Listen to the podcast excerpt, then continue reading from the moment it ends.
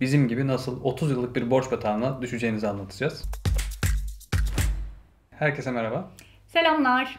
Bugün size Hollanda'da nasıl ev satın alacağınızı, bizim gibi nasıl 30 yıllık bir borç batağına düşeceğinizi anlatacağız. Bu güzel bir borç yani öyle kafanızda çok büyütmeye gerek yok. Çünkü Hollanda'da mortgage alabilmek oldukça kolay. Sabit bir geliri olan hemen hemen herkes burada ev alıyor. Çünkü faiz oranları oldukça düşük. Yani yıllık %2 gibi rakamlardan bahsediyoruz. Krediniz 30 yıla yayıldığı için kiranızdan daha düşük bir tutara içinde oturduğunuz evi satın alabilirsiniz. Kira demişken de kira videomuza şuradan alışabilirsiniz. Nasıl ev kiralayabileceğinizi buradan öğrenebilirsiniz.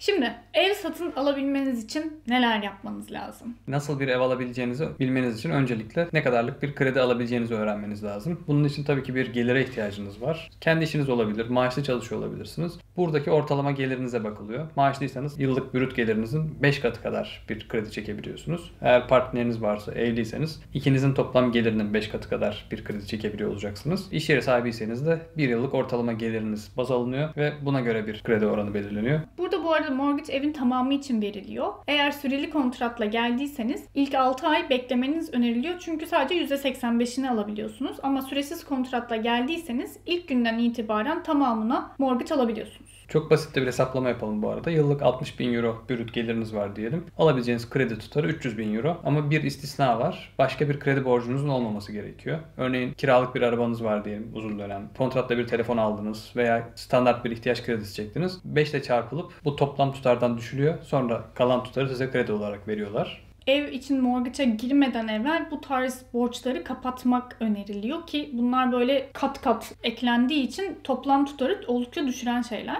Toplam alabileceğiniz krediyi belirlediniz. Bu fiyat aralığında bir ev bulmanız gerekiyor. Bu arada şunu belirtelim çünkü bu soru bize çok geliyor. Hollanda'da ev alırsam oturum izni alır mıyım? Hayır, Hollanda bunu kesinlikle yapan bir ülke değil. Alabileceğiniz kredi tutarını belirlediniz. Sıradaki iş ev bulmak diye düşünüyor olabilirsiniz ama değil. Bizce önce bir mortgage advisor bulmanız gerekiyor. Bu arada mortgage'ın Hollandacası hypotheek diye geçiyor. Bunları çok hızlı bir şekilde öğreneceksiniz zaten sürecin içerisine girdiğinizde. Bu söylediğimiz danışman ne yapıyor? Sizin için en ucuz faiz oranlı krediyi buluyor. Sadece bununla yetinmiyor. Noter ayarlıyor. Herhangi bir risk varsa ev almadan önce sonrasında bu risklere karşı sizi uyarıyor ya da yaptırmanız gereken, yaptırmanızın iyi olacağı sigortaları da size önerebiliyor. Yani biz bu danışmanı kesinlikle bir israf olarak görmüyoruz ona verdiğimiz parayı. Çok da böyle çevremizdekilere de önerdiğimiz ve çok da bizim faydalandığımız bir danışmanlık hizmeti olmuştu. 1500-2000 euro aralığında. Belki piyasa değişmiştir biraz. Biz ev alalı 3-4 sene oldu. Bu arada evi aldıktan sonra da danışmanın işi bitmiyor. Krediniz 30 sene devam edeceği için bu danışmanla en azından bir 10 sene sürekli iletişim halinde kalıp faiz oranlarını değiştirmek, kredinizin miktarını yükseltmek gibi işlemler için bu danışmanı yine kullanabilirsiniz. Bu danışmanın ücretini mortgage'a dahil ettirebiliyorsunuz. Sonrasında da ikinci bir danışman ayarlamanızı öneriyoruz. Bu da ev satın alma danışmanı diyelim istersen. Burada emlakçılar çift taraflı çalışıyor. Ev satın alan emlakçı var. Bir de ev satan emlakçı var. Önemli olan ev satın alan emlakçı. Bu tamamen sizin ortağınız. Ankop makeler deniyor buna da. Bu kişinin amacı tamamen size uygun evi bulmak, en uygun fiyata almak. Yani oradaki pazarlığı da aslında yapan kişi. İstediğiniz kriterleri söylüyorsunuz kendisine. O size hem ev araştırmasını yapıyor hem de siz diyelim ki ev buldunuz, bir randevunuz var. Siz de gelip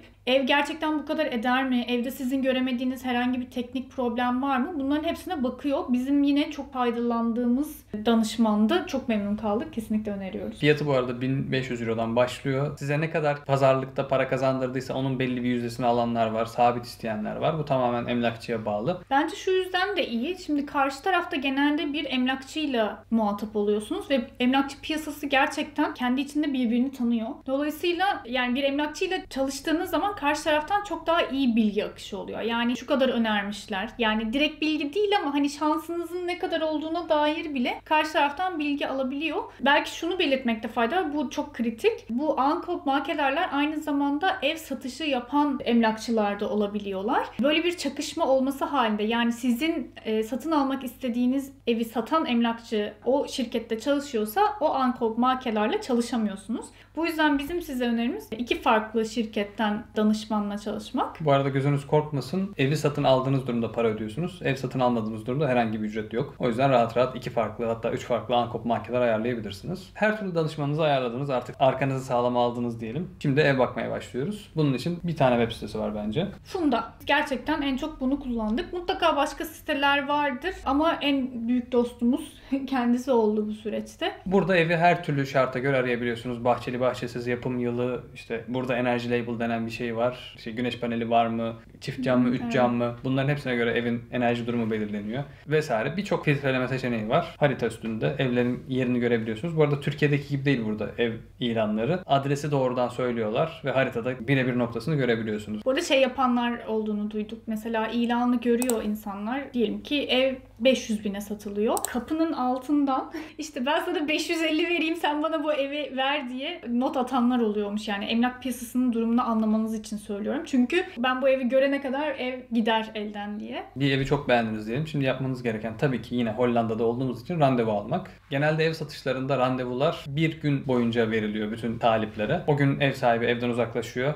Talipler evi emlakçıyla birlikte geziyorlar. Bazen de genelde bu çok hızlı satılamayacak evlerde oluyor. Açık günler oluyor. Yani gerçekten o evin kapısı o gün belirli saatler arasında açık oluyor. Herhangi bir randevu almadan gidip evi görebiliyorsunuz. Orada sanıyorum emlakçı oluyor o sırada. Biz bu şekilde gitmedik ama böyle gidenler olduğunu biliyoruz. Funda'da evi buldunuz, randevunuzu aldınız. Ankop markalarınızı da yanınıza alıp evi görmeye gittiniz ve beğendiniz evi gerçekten. Sıradaki işlem ne?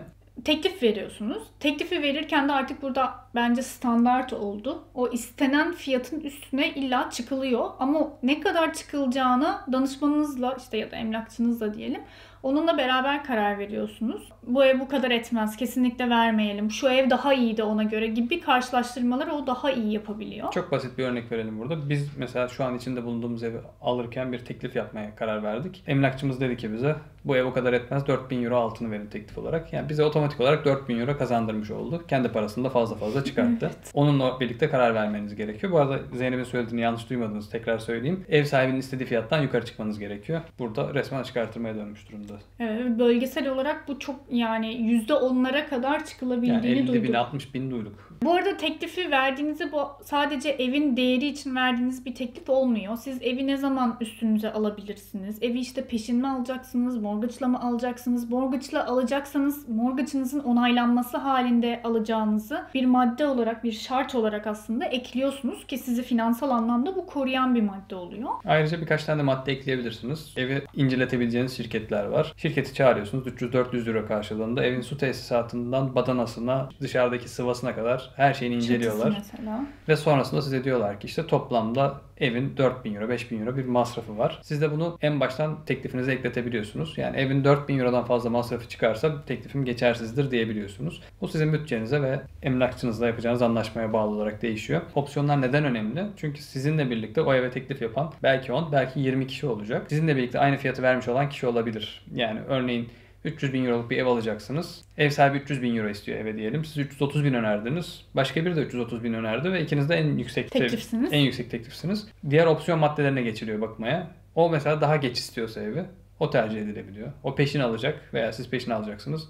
Peşin alacak kişi tercih edilebiliyor. Bütün maddeleri koydunuz. Teklifiniz kabul edildi. Sırada ekspertiz işlemi var. Yani Türkiye'deki ismiyle söylemek istedim. Burada taksat diye geçiyor. Siz mesela evin %100'ü için bir kredi alabileceksiniz diyoruz ama ev gerçekten o kadar ediyor mu? Buna bakılıyor. Şunu da yapabiliyorsunuz. Diyelim ki evin mutfağı çok eski, banyosu çok eski. Bunları değiştirmek istiyorsunuz. Bunları da mortgage'a dahil edebiliyorsunuz ve taksatsi raporu çıkarken bunlara da bakılıyor. Bu yüzden eğer böyle bir değişiklik yapmak istiyorsanız aşağı yukarı bunlar ne kadara mal olur öncesinde bakmakta fayda var. Biz mesela günlerce mutfakçı dolaşmıştık evin mutfağını yenilediğimiz için. Çünkü tamamını alabiliyorsunuz genelde. Yani evet bu belki söylemek doğru değil ama öyle bir ayarlamışlar ki eğer çok uçuk bir şey olmadığı sürece taksatsi raporu tam olarak sizin istediğiniz tutarda çıkıyor. Örneğini de verelim. 300 binlik bir ev alacaksınız. 20 bin euro da banyosuna mutfağına harcayacaksınız. Söylediğimiz mortgage danışmanıyla çalışırsanız o taksasi raporunu hazırlayan şirketle genelde iletişime geçip bu evi 300'e değil de 320'ye alacakmışız gibi ayarlayın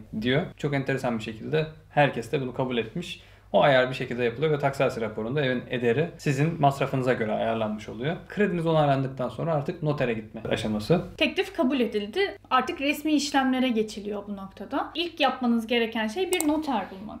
En başta birlikte çalışmanızı önerdiğimiz mortgage danışmanınızı ayarlayabilir. Onlar genelde bölgedeki bütün noterleri tanıyorlar ve en ucuz nerede olduğunu söyleyebiliyorlar. Noteri seçmek sizin elinizde. Dolayısıyla en ucuza gitmeniz önemli. Noterinizi seçtikten sonra ikinci yapmanız gereken bir tercüman ayarlamak. Noterdeki devir işlemi sırasında bütün maddelerin size kendi dilinizde yani Hollandaca bilmediğinizi varsayıyoruz. Türkçe olarak söylenmesi gerekiyor. Yeminli tercümanları konsolosluktan da öğrenebilirsiniz. Noterinizden rica edebilirsiniz. Noter biraz daha pahalı. Evet. Ya da etrafınızdaki arkadaşlarınızdan yani çok fazla Türk olduğu için burada mutlaka bir yeminli tercüman bulabilirler. Noter gün ve saatiniz belirlendi. Notere gitmeden önce yapmanız gereken çok önemli bir şey var. Çünkü biz bunu yapmayı unutmuştuk. Son anda yani notere gitmeden bir saat önce gibi hallettik. Size anlaştığınız tarihten yaklaşık bir hafta kadar önce noterden noterin masrafı yeni olmayan tüm evlerin %2 transfer ücreti oluyor. Yani vergi bu aslında. Emlak vergisi gibi düşünebilirsiniz. Evet ve Ankop Makeler'ın, Hipotek Advisor'ın e, bunların hepsini gösteren bir hesap numarası ile beraber de bir mektup geliyor. Gitmeden önce bu işlemi halletmeniz lazım. Bu arada bizim yaşadığımız sorun şu olmuştu. Para hemen hesaba geçmeyebiliyor belirli bir tutarın üstü olduğu için. Dolayısıyla bunu birkaç gün öncesinde yapmakta fayda var. Yani son dakikaya bırakmayın bizim gibi. İşlemi birkaç gün sonra ertelemek zorunda kalabilirsiniz. Evet. Evin transferini almadan önce de son olarak da sayılardan bahsedelim. Evin toplam tutarı 300 bin euro diyelim. Yaklaşık 10 bin 12 bin euro civarında da bir masrafınız olacak. Bunları notere yolluyor olacaksınız. Yaptınız. Artık notere gidip bütün işlemleri halledebilirsiniz. Belirlediğiniz gün ve saatte gidiyorsunuz. Tercüman orada bütün maddeleri size okuyor. Herhangi bir sıkıntı yoksa orada imzaları atıyorsunuz ve anahtarı teslim alıyorsunuz. Bu çok bizim için çok duygusal bir andı. Hani çok büyük bir adım attığımızın göstergesi. Direkt böyle masadan anahtarları bize vermişti ev sahipleri. Çok büyük de bir borcun altına girdiğimizin göstergesi aynı zamanda. Belki o yüzden duygulandık. Bu arada noterdeki işlem yaklaşık bir saat, bir buçuk saat kadar sürüyor. Yani çok fazla okunması gereken sözleşme var. Onların tek tek çevrilmesi vesaire zaman alabiliyor. Bundan sonra bence keyfini çıkarmak, çok 30 yıl borcum var diye düşünmemek yapılacaklar olarak sıralanabilir. Bu arada söylemeyi unuttuğumuzu fark ettik. Evi gezerken emlakçıya sormanız gereken bazı sorular var bizce. Örneğin bahçeli bir ev alıyorsanız bahçenin aylık maliyeti ne kadar? Çünkü bakım yapılması gerekiyor. Her şeyi kendiniz yapmaya karar verdiyseniz saygı duyuyorum. Evin faturası ne kadar geliyor? Evde iki kişi yaşıyorsa ortalama bir tutar zaten çıkarabilirsiniz ama size doğrudan faturaları gösterebilirler.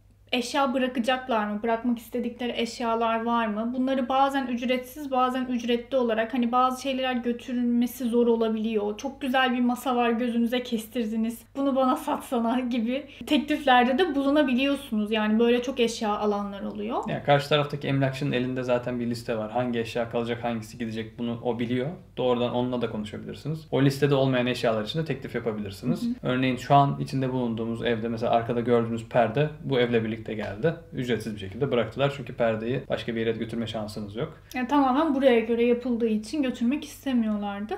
O zaman şimdiden eviniz hayırlı olsun diyelim. Hayırlı olsun. Keyfini çıkarın. Kocaman bir nazar boncuğu alın. Eğer videomuz sizin için faydalı olduysa bir kahvenizi de içmeye geliriz yine evinizde. Umarız video faydalı olur. Sorularınız varsa yorum kısmına lütfen bırakın. Yaşadığınız farklı tecrübeler varsa yine. Kanalımıza abone olmayı Videoyu beğenmeyi ve arkadaşlarınızla paylaşmayı unutmayın. Hatta Instagram'dan da bizi takip ederseniz çok seviniriz. Şimdilik hoşçakalın. Görüşmek üzere.